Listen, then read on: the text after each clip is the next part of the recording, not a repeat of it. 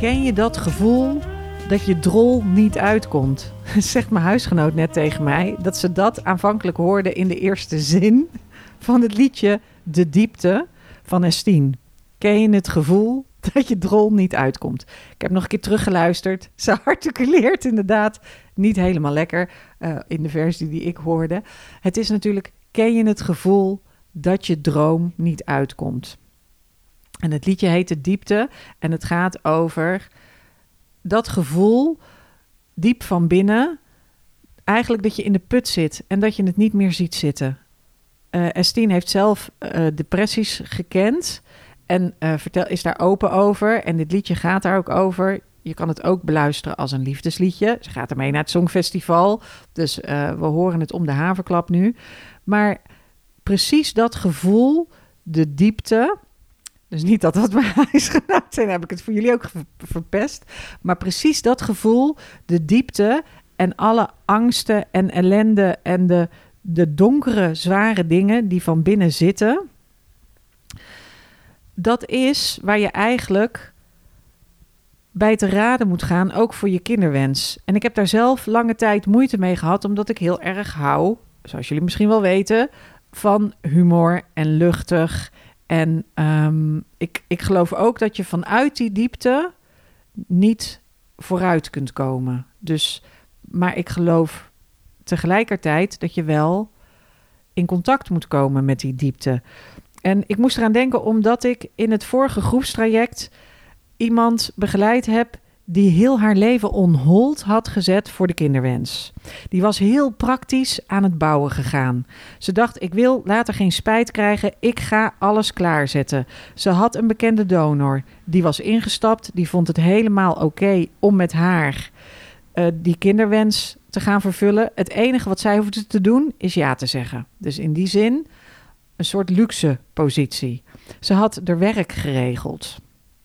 Ze had uh, eigenlijk was ze niet zo blij meer met haar baan en zou ze liever wat anders gaan doen. Maar ze had een vast contract gekregen. Dat was wat ze nodig had. Uh, want ze wil een stabiel inkomen. Uh, ze woonde in een huis wat op zich in een kindvriendelijke buurt ligt. En wat ook twee kamers heeft. Dus dat was ook oké. Daar, ze zou zelf liever wat meer in de natuur zitten. Maar ze dacht: nee, ik moet hier dit vast blijven houden. Want als dat kind komt. En ze ging ook niet daten, omdat ze dacht: als ik nu ga daten, dan wordt het alleen maar meer verwarrender. Dan wordt het niet, mensen, de mannen met wie ik ga daten, gaan niet zoveel haast hebben als ik. Ik laat het daten nog even. Zet ik ook on hold. Ze was enorm gaan bouwen aan alle praktische randvoorwaarden om dit te verwezenlijken. En, en niet alleen begrijp ik dat, het is iets wat ik zelf ook lang gedaan heb. Het is zelfs iets waar ik mensen ook bij begeleid heb. Uh, met tegelijkertijd wel werken aan de diepte ingaan. Maar inmiddels ben ik ervan overtuigd dat je daardoor je aandacht in de verkeerde volgorde aan de dingen schenkt. En aandacht, aandacht, het tegenovergestelde van aandacht voor iets hebben is, is zaken negeren. En het is voor ons zo moeilijk geworden om aandacht te hebben voor één iets en om op, op on, hier, ik kan het niet eens uitspreken, om onszelf te focussen op één ding. Het is zo moeilijk om aandacht te geven aan het juiste. Mensen spreken tegenwoordig ook wel van een oorlog om je aandacht omdat alle multinationals, alle social media, iedereen wil continu. Het is een, aandacht is een soort nieuw betaalmiddel geworden. Maar wij geven aandacht aan de verkeerde zaken. En die dame die heel haar leven onhold had gezet om praktisch te bouwen aan die kinderwensen, daar alles voor geregeld had, die kwam bij mij in een intakegesprek. En toen we het erover hadden, toen zei ik: Ja, maar eigenlijk heb je alles al klaarstaan. Waarom zet je niet die laatste stap? En dat was omdat ze niet bij de gevoel kon komen. Ze zei: Ik kan gewoon niet, ik, het voelt niet goed. Ik kan niet bij me, ik kan niet ik heb niet het gevoel dat ik er klaar voor ben. Terwijl ik heb nu gebouwd aan alles en eigenlijk is alles er klaar voor, maar ik ben er niet klaar voor. En ik uh, weet niet of dat je wel eens gehoord hebt van de circles of influence. En dat zijn uh, uh, nou ja, een grotere cirkel, een kleinere cirkel erin en in het midden een stip. En daar, dat zijn de dingen die jij, waar jij invloed op hebt. En in de kern, in het midden, sta je zelf. Dat ben je zelf. Jij hebt invloed op jou, op de dingen die jij iedere dag doet, op de dingen die je denkt. Het is niet zo dat je dat helemaal ehm, in je eentje dat, dat de vrije wil zo is dat je de dingen kunt denken die je wil denken, was het maar zo. Want dan was er niemand meer de, depressed. Dan had je geen depressies als je daar helemaal over ging. Maar jij bent wel degene met het meeste invloed op jou en op de kern in jou. De cirkel daaromheen zijn de dingen waar jij direct invloed op hebt. Dus als jij een vriend hebt die uh, al kinderen heeft uit een vorige relatie, dan heb jij direct invloed op die vriend. En soms zijn die kinderen de helft van de week bij jou en dan heb je, sta je in direct contact met die kinderen. Maar eigenlijk behoren die kinderen ook in de derde cirkel, want daar zit die ex-vrouw van hem, als die nog in beeld is. En, um, en die kinderen, daar heb je ook niet, je bent niet hun moeder, je gaat daar niet 100% over. Je bent niet, je hebt er wel invloed op, maar indirect. En ook zaken zoals je werk, als jij ineens boventallig wordt verklaard, of er, komen, hè, er wordt uh, bezuinigd, of uh, je krijgt geen vast contract, of er is inflatie, of uh, je hebt een, een, huurcontract van twee jaar. Wat is dat voor een afgrijselijk gedrocht?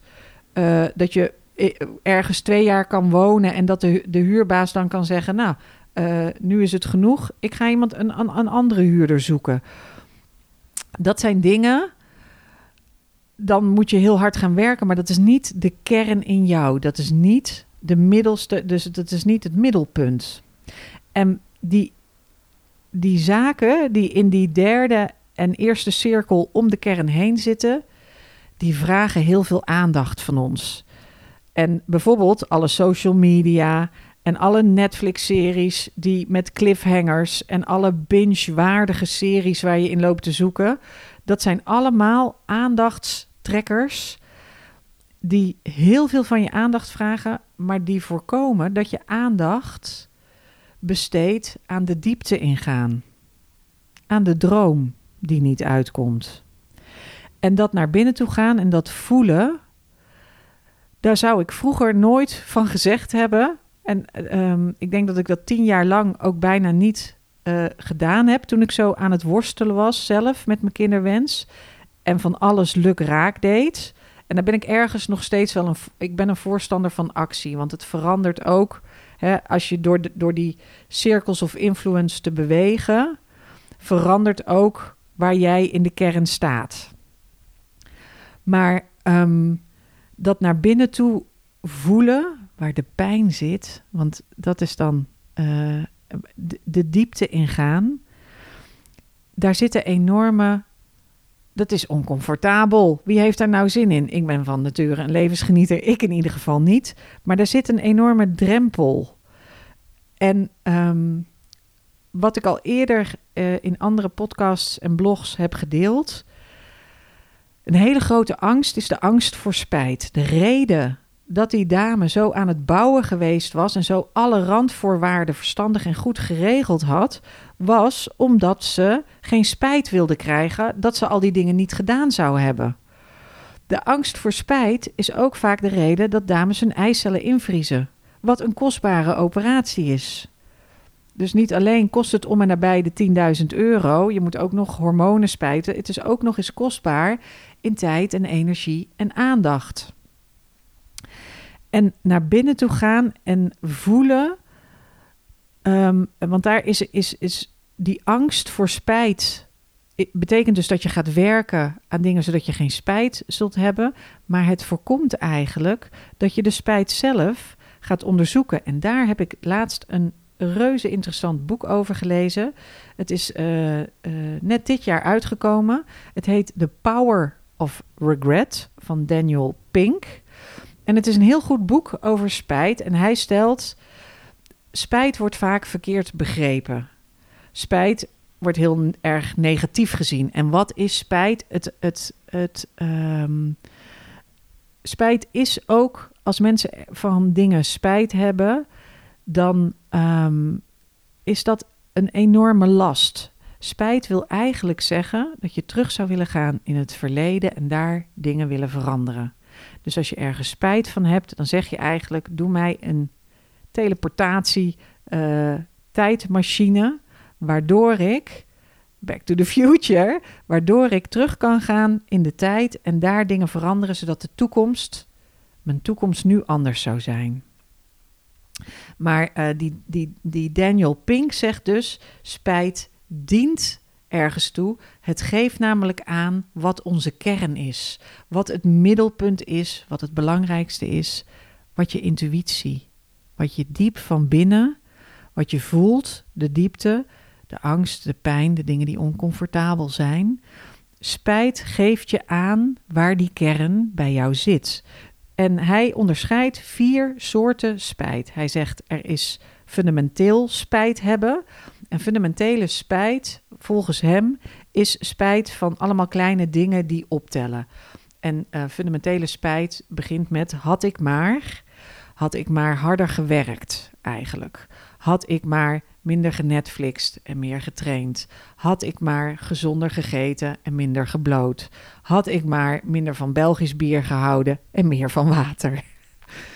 Had ik maar harder gewerkt. Dat is fundamentele spijt. En het zijn allemaal kleine dingen die je nu verzaakt, maar die op de lange termijn, als je ze bij elkaar optelt, iedere dag blowen of iedere dag Belgisch bier, ik heb wel eens tegen iemand gezegd: als ik door het Vondelpark fiets, dan zitten er bij die ene brug bij Vertigo hangen altijd daklozen met blikken Schultebrouw. Uh, en je ruikt altijd walmen van wiet. En ik snap die mensen, want ik weet hoe lekker het is om in de zon te zitten. Niet met een blik Schultebrouw, maar wel met een lekkere joint en een lekker muziekje en een goed glas bier. En ik doe het helemaal niet meer. Ik heb ook niet enorme spijt van dat ik dat gedaan heb. Maar het was wel ook een soort vlucht weg van de kern. En het is, als je dat iedere week doet, dan uiteindelijk telt het op. En ik ben nu, ik word een straight edger, mensen. het is belachelijk, maar waar. Ik, uh, dus ik ben al uh, jaren geleden gestopt met het roken van jointjes. En aanvankelijk had ik daar moeite mee, maar nu vind ik het is het, kost het me geen moe minder moeite, geen moeite meer. Klop, het even, klop het even af, want je weet nooit of dat je weer ineens bevangen kunt worden. Um, en ik drink helemaal geen alcohol meer. En dat komt eigenlijk door de overgang. Want als je dan alcohol drinkt, dan komt het zo hard aan. Niet in positieve zin, maar gewoon dat je meteen koppijn krijgt. En dat je uh, zweetaanvallen krijgt. En dat er allerlei verschrikkelijke dingen gebeuren. Dus uh, ik kan beter niet drinken. En dat, eh, al een paar keer heb ik daar echt moeite mee gehad. Als mensen champagne hebben voor een paasontbijt. Of als, er, hè, als je in de kroeg zit en er is een geweldige wijnkaart. Uh, nou ja, of als er dus Belgisch bier is. En ik dan denk, ja, zal ik kiezen spa blauw of tomatensap? Of doe mij maar een Rivella, lekker gek. Um, maar ik merk dat dit ik, heb, ik merk nu al dat ik in de kern veel beter kan voelen waar de pijn zit. Dat ik um, uitgeruster ben. Dat ik beter voel wanneer ik moe ben. Dat ik makkelijker mijn grenzen aangeef. Dus het levert me heel veel op. Jullie hoeven helemaal niet allemaal straight edger te worden. Ik wil wel nog even verklappen dat volgens mij Wiegel voorzitter is van uh, uh, alcohol minnend Nederland. En dat het dus niet zo raar is dat alcohol zo alom geaccepteerd is. En dat daar nooit is uh, serieuze belasting en um, dat dat. Die hebben gewoon een hele goede lobbyist in, in de vorm van een VVD'er. dat zijn de beste lobbyisten. Um, maar laat ik deze podcast niet politiek maken. Dat is de eerste vorm van spijt, is fundamentele spijt. De tweede uh, vorm van spijt die hij onderscheidt, is dat je risico's moet nemen, kansen moet pakken. En die vorm van spijt, uh, die, die, die uh, klinkt terug als had ik maar puntje puntje gedaan. Had ik maar het risico genomen, had ik maar de kans genomen om naar het buitenland te vertrekken. Had ik maar het risico genomen om die jongen uit te vragen? Had ik maar het risico genomen om hem om een kind te vragen? Had ik maar het risico genomen om, uh, nou ja, je kan van alles bedenken. Maar dus de mensen hebben, naarmate ze ouder worden, dus dat uh, gaf hij ook, geeft hij ook aan in zijn boek, naarmate je ouder wordt, heb je vaker spijt van de dingen die je niet deed. En het komt ook, je gaat ook minder dingen doen, want de risico's zijn ook groter. Dus ik wilde heel graag vroeger op wintersport. Toen heb ik een jaar in Grenoble gestudeerd. Nou, daarna kon ik goed skiën, maar toen ging het uit met het vriendje die echt een wintersporter was. En ik heb eigenlijk weinig vriendinnen die een wintersporter zijn. En ik heb heel lang gedacht, had ik maar meer uh, wintersportvrienden. En nou vroeg iemand laatst van, ga je anders mee skiën? En toen dacht ik, nee, als ik een been breek of iets, hè.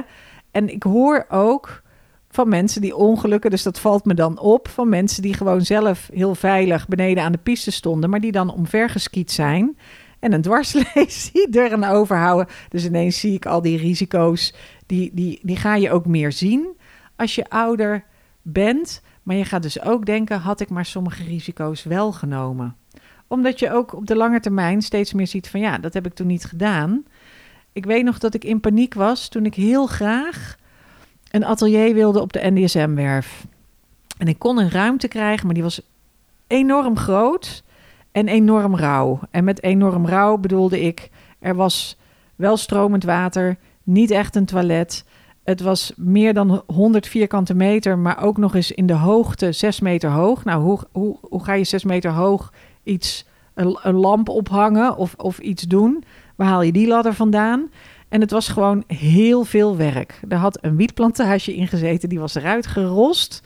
En toen op een gegeven moment werd ik, ik, ik kon dat gaan doen, maar ik kreeg paniek.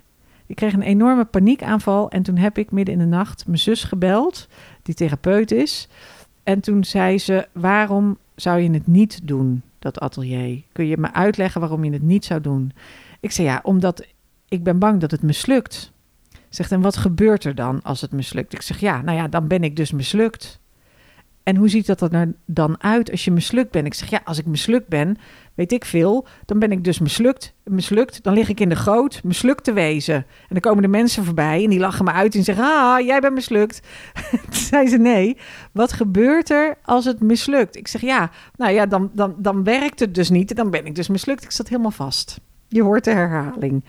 En toen zei zij, heel rustig, toen zei ze: Evelien, als het mislukt, dan zul je een baan moeten zoeken. Als dat hele eigen ondernemerschap van jou, dat was nog de informatiebalie, hè, live theatrale, theatrale live communicatie. Ik had enorme wandelende informatiebalies gemaakt en grote levens, levensgrote latex poppen. Uh, waarmee ik op uh, bijvoorbeeld Lowlands nog steeds reclame maak voor uh, theater in de Juliette tent. Um, maar als die onderneming, als je het niet doet, hè, als je niet dat atelier neemt waar je die dingen kan maken en waar je je werk, dat kan niet in je, in, je, in je kamertje. Die balie is zo groot als mijn hele woonkamer, past helemaal niet door de deur. Laat staan drie trappen op. Als je het niet doet, dan zul je een baan moeten vinden. Dan moet je de stekker uit je onderneming trekken en dan moet je een baan vinden. En toen ze dat zei, werd ik helemaal rustig. Ik zei: Oh, dus als ik het niet doe, dan moet ik een baan zoeken. En als ik het wel doe en het mislukt, moet ik ook een baan zoeken. Nou, dat valt mee. Maar dat is de tweede vorm van spijt. Had ik maar de kans genomen. Overigens heb ik de kans genomen en is het de hele vette Club X geworden met een K en een P. Club X op de NDSM-werf. Als je erbij was, dan uh, heb je een mooie tijd gehad. Um, maar dat is risico nemen. Dus ik ben heel blij dat ik toen dat risico genomen heb. Ook al lag ik dus gillend wakker ervan. Uh, dat is de tweede, dus fundamentele spijt. Risico, spijt van gemiste kansen. Dan is er nog een vorm van morele spijt. En dat is spijt dat je denkt: had ik maar het juiste gedaan. Uh, morele spijt is bijvoorbeeld als je uh, stiekem zwanger bent geworden van iemand en dat nooit hebt verteld. Of als je vroeger iemand gepest hebt. Of als je uh, iemand een loer hebt gedraaid. Of moreel niet het juiste gedaan. Morele spijt ervaar je ook. Je, je, je, je, rijdt met je auto weg, je tikt iemand aan, je ziet dat je schade hebt gereden, maar je denkt, ja, hier heb ik geen tijd voor. Het is een dikke, dure bak. Uh, hij lost het zelf maar op en je rijdt weg. En dat je toch die dagen daarna nog denkt, het was toch niet helemaal oké. Dat is morele spijt. En morele spijt klinkt als had ik maar het juiste gedaan. Dus je hebt een moreel kompas, maar je kiest ervoor om het niet te volgen. Altijd niet onder invloed van drank en drugs. Maar dat is dus de derde vorm van spijt, die die meneer Pink onderscheidt. En de vierde vorm is relationele spijt. Is spijt in relaties en spijt over de verbinding die je hebt met anderen. En dat, dat is een spijt en die klinkt als had ik maar geïnvesteerd in die relatie. Had ik maar in de plaats van de vriendschap af te kappen contact gehouden. Had ik maar dat familielid vergeven. Had ik maar niet per se bij mijn eigen gelijk moeten zitten. Oh, er rijdt net iemand. Uh, nee, ik denk dat het een glasbak is. Maar had ik maar meer geïnvesteerd in relaties met anderen. En relaties, verbinding met anderen is een heel wezenlijk onderdeel van ons leven. De had ik maar. Had ik maar meer geïnvesteerd. Uh, spijt. Had ik maar een WhatsAppje gestuurd, of had ik maar een kaartje gestuurd, of was ik maar iets vaker, had ik maar vaker gezegd dat ik uh, iemand lief heb. Doe dat vooral aan mensen. Zeg zoveel mogelijk mensen dat je ze lief hebt. Of niet zoveel mogelijk mensen, maar zo vaak mogelijk tegen de mensen die je ook echt lief hebt. Dus de vier vormen van spijt. Fundamentele spijt van alle kleine dingen die je niet gedaan hebt, maar had, die klinkt als had ik maar harder gewerkt. De kansenspijt, had ik maar die kans genomen. De morele spijt, had ik maar het juiste gedaan. De relationele spijt, had ik maar meer geïnvesteerd in die relatie. Had ik maar meer aandacht gehad. Vaker gezegd dat ik van, dat ik van ze hou. Um,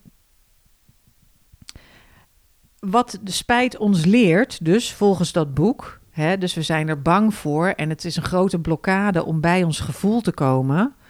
Dus als je helemaal teruggaat naar het begin, uh, naar de dame die zo alles op alles had gezet om in ieder geval spijt te voorkomen.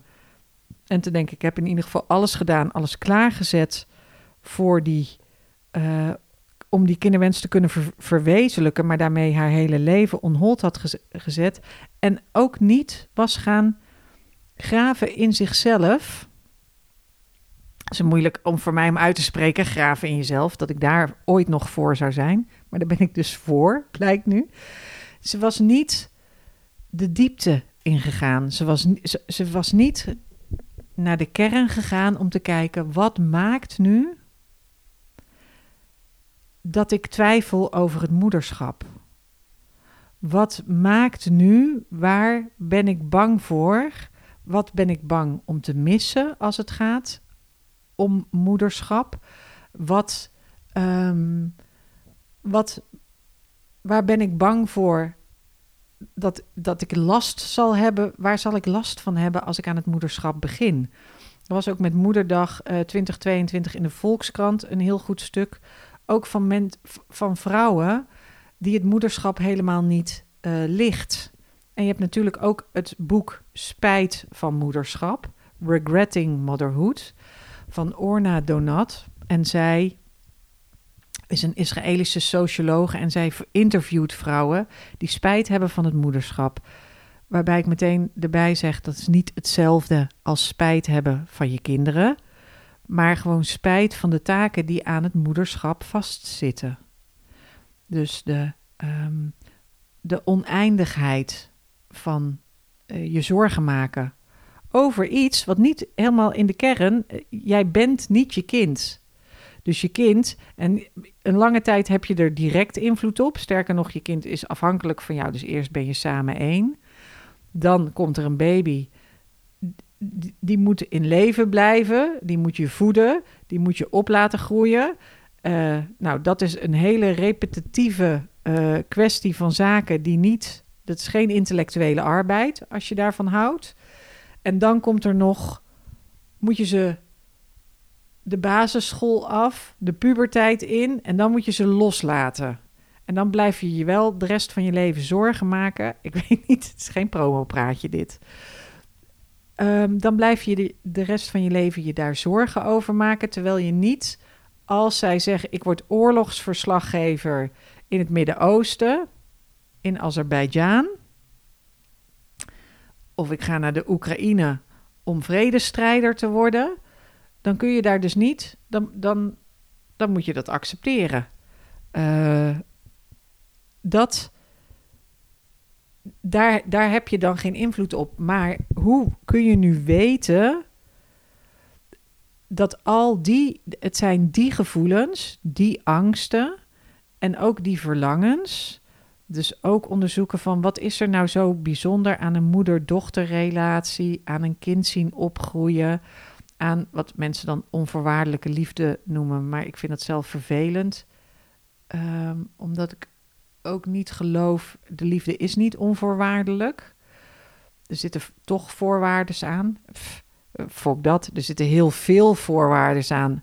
Juist tussen ouders en kinderen. En als je ook ziet wat je allemaal verkeerd kan doen. En als je ook ziet wat ouders allemaal verkeerd gedaan hebben. Dat is dat hele goede uh, gedicht van Philip Larkin.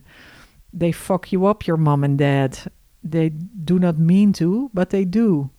They fill you with the faults they had and add some extra just for you. ja, het is een, um, een briljant gedicht. Uh, en, en, en de punchline, uh, de takeaway is... Zorg vooral dat je zelf geen kinderen krijgt. Dat vind ik, ik, ik ben heel, heel gelukkig als moeder. En in mijn kern uh, is dat, was dat een heel wezenlijk en heel belangrijk iets. Het gekke was dat ik al mijn aandacht stak in uh, kortstondig levensgenot, in spannend en groots en meeslepend leven en dat ik verzuimde om te werken aan een veilig, geborgen thuis. Nou, en, en daar zit een heel onderzoek aan vast en dat is voor iedereen anders. Maar de aandacht en de energie moet gaan zitten in hoe je denkt die spijt te voorkomen. Nou, het is best een theoretisch verhaal, maar als je nou uh, wil weten hoe je spijt voorkomt, dan schrijf, dan, dan zou je jezelf kunnen verplaatsen in wie jij zal zijn in de toekomst. Dus als je jezelf neemt in 2029, over zeven jaar, dus Evelien de Jong, die zeven jaar ouder is dan nu, ik word uh, deze maand 49. Dus dan ben ik 56. Ben ik 56 mensen. My god, kan ik bijna met pensioen. Nou ja, dat is nog zoiets. Ik heb dus niks geregeld voor mijn pensioen. Dat is een fundamentele spijt die nu pas een beetje begint door te sijpelen. Dat ik denk, ah ja, dat zeiden mensen wel eens tegen me. Je moet iets regelen voor je pensioen. Nou, nu weet ik, als ik mezelf verbeeld over zeven jaar, dan ben ik 56. Dan kan ik dus aanspraak maken op zo'n 55-plus woning, begane grond. Met de sociale woningbouw in Amsterdam. En um, dan kan ik dus gaan denken over mijn pensioen. En dan zie je ineens dat er dingen, als je jezelf verbeeldt, wie zou ik zijn over zeven jaar? En waar, wat, zou de, wat zou diegene willen hebben in haar leven? En wat zal ik daar dan nu hoe, hoe voorkom ik dat ik daar later spijt van heb? Um, en, en daar zit bij, en dat wordt vaak vergeten, er zit bij dat er dingen verdrietig en pijnlijk zijn die niet op te lossen zijn.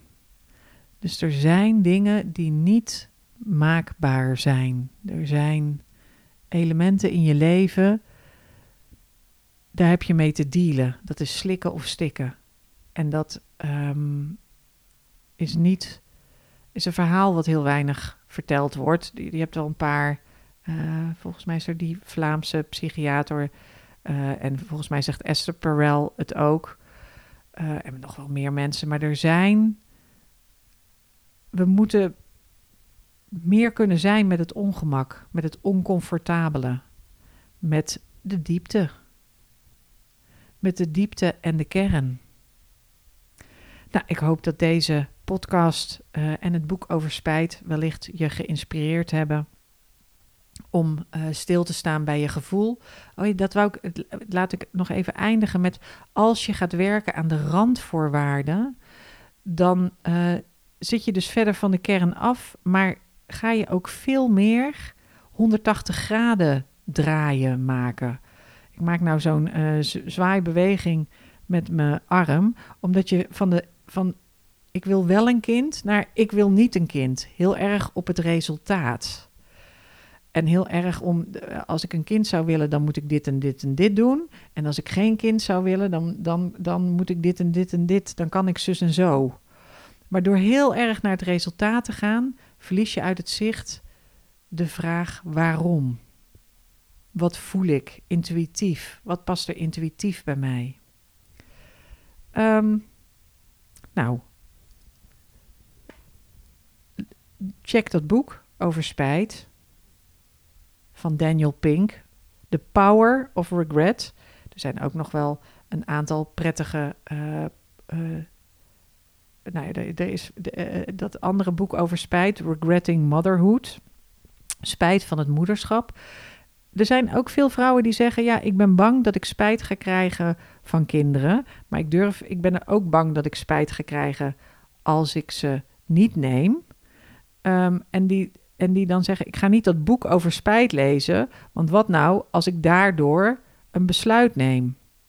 En dat is een soort angst voor spijt die je juist niet moet hebben, omdat spijt je dus uiteindelijk dichter zal brengen bij de kern jouw spijt is niet de spijt van een ander. En de spijt van een ander is niet jouw spijt.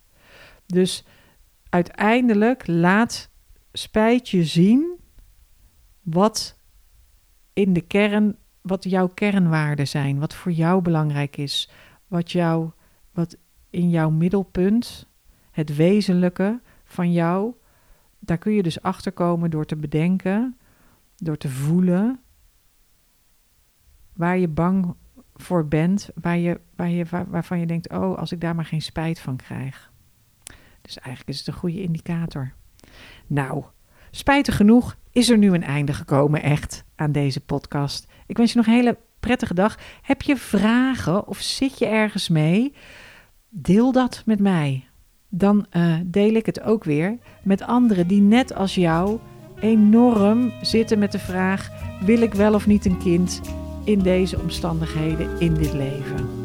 Ik hoor graag van je. Doeg!